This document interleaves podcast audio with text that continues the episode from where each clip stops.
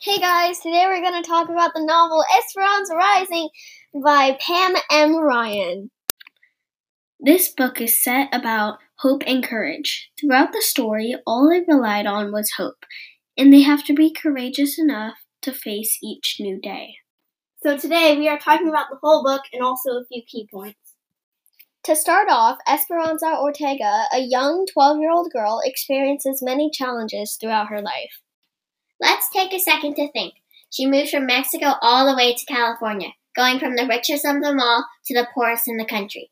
Imagine how hard that situation would be, especially for a 12 year old. During this time, the Mexican Revolution War was ending and the Great Depression was taking effect on many Americans and American Mexicans around the 1920s and the 1930s. Esperanza's cruel uncle, Tio Luis, threatens to take over after he burnt down the family house, leaving Esperanza, Mama, Miguel, Alfonso, and Hortensia to flee to California and the United States. In addition, Esperanza's grandmother, Abuelita, is stuck in Mexico and cannot flee the country. She wonders how her life will ever be the same. So sad! So sad! Esperanza's new house is shared with many people, making it very crowded. The house is very small, about the size of a horse stall. Esperanza did not like it. Esperanza oh, screamed that they are living like horses for everyone in the house or the house next door to here. That left a first impression on everyone. Later, Esperanza learns how to take care of the babies, again, something that she does not know how to do. Since growing up in a wealthy family, Esperanza no, had no idea how to do basic stuff. Like use a broom. I mean, that's kind of crazy. She didn't know how to sweep. Then, Marta and her fellow friends just made it worse by teasing her about it.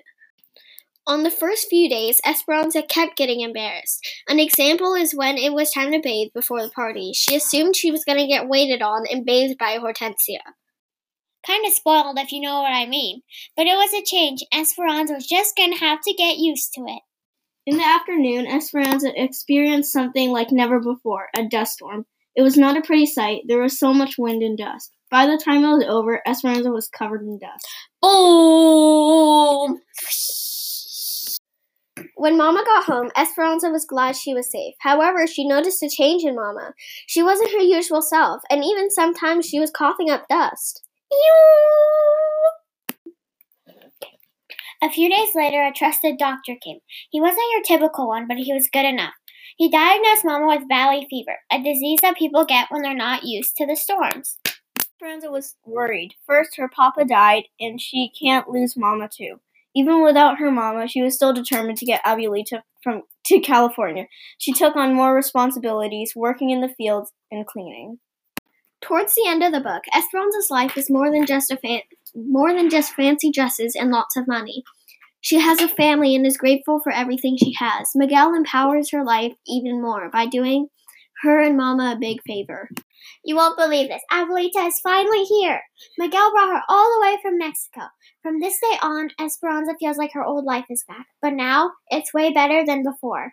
Esperanza and Mama are thrilled. It's like for the first time their life is complete. Abuelita is very wise and speaks with many metaphors. For example, she says there is no rose without thorns. This metaphor symbolizes how life is not life without problems. To wrap up, Esperanza overcomes many challenges. Through her struggles, she always finds a way to make the best of them. Just remember, don't give up and stay strong. Since that is the whole story in the summary, this is some key points or opinions. When Esperanza and Mama first got to California, they were very stressed. Miguel had taken roses from the ashes of their old house. The family used this mini rose garden to talk with Papa. This symbolizes that Papa is always with them in their heart and head. This is more of an opinion, but everyone thinks Marta is the antagonist because she is because she kind of bullies Esperanza, but she doesn't impact Esperanza so much it's truly life changing. I would say the true antagonist is Tio Luis, because he owns the land that used to be theirs, burnt down their house, and left them no better option but to leave the only home Esperanza had ever known. Now that was a life changing occurrence made by one man filled with hate. That would be the antagonist.